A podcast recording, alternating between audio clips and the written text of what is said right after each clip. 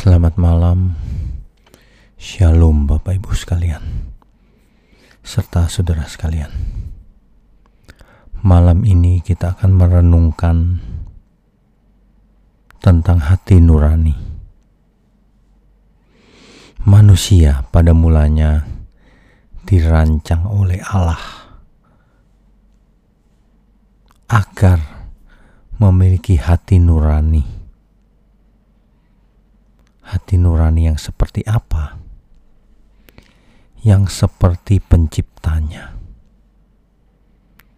Yang kodratnya adalah kasih.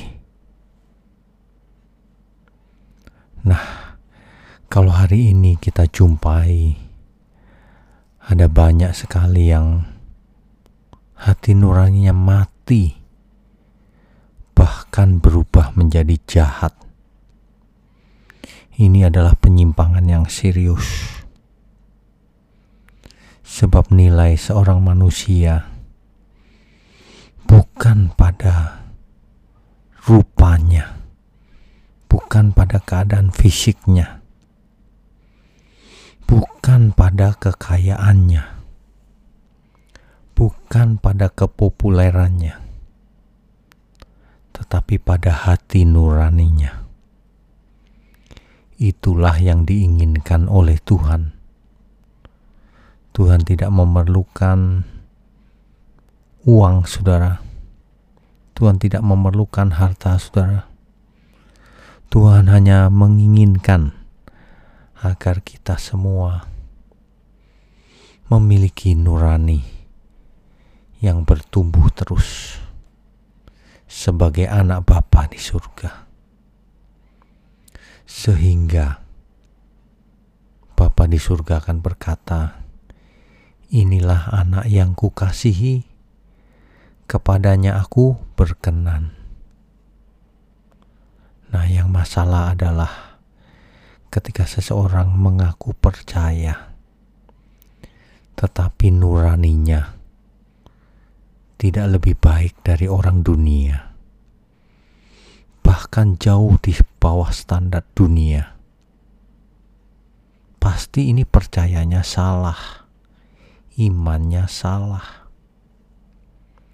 Sebab hati nurani seorang yang percaya semakin hari normalnya akan semakin seperti Kristus. Itulah sebabnya Alkitab berkata, dalam hidupmu bersama, kenakanlah pikiran dan perasaan Kristus. Filipi 2 ayatnya yang kelima. Agar kita semua sebagai manusia bertumbuh dari hari ke hari, nurani kita makin seperti Tuhan Yesus.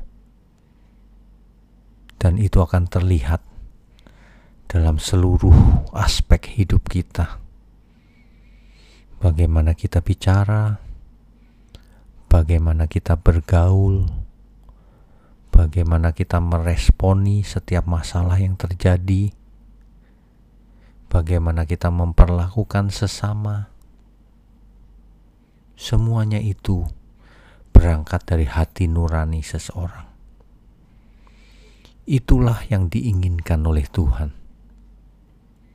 agar kita sebagai manusia memiliki hati nurani, anak Allah. Jangan serupa dengan dunia ini, saudara. Kiranya kebenaran ini memberkati kita semua.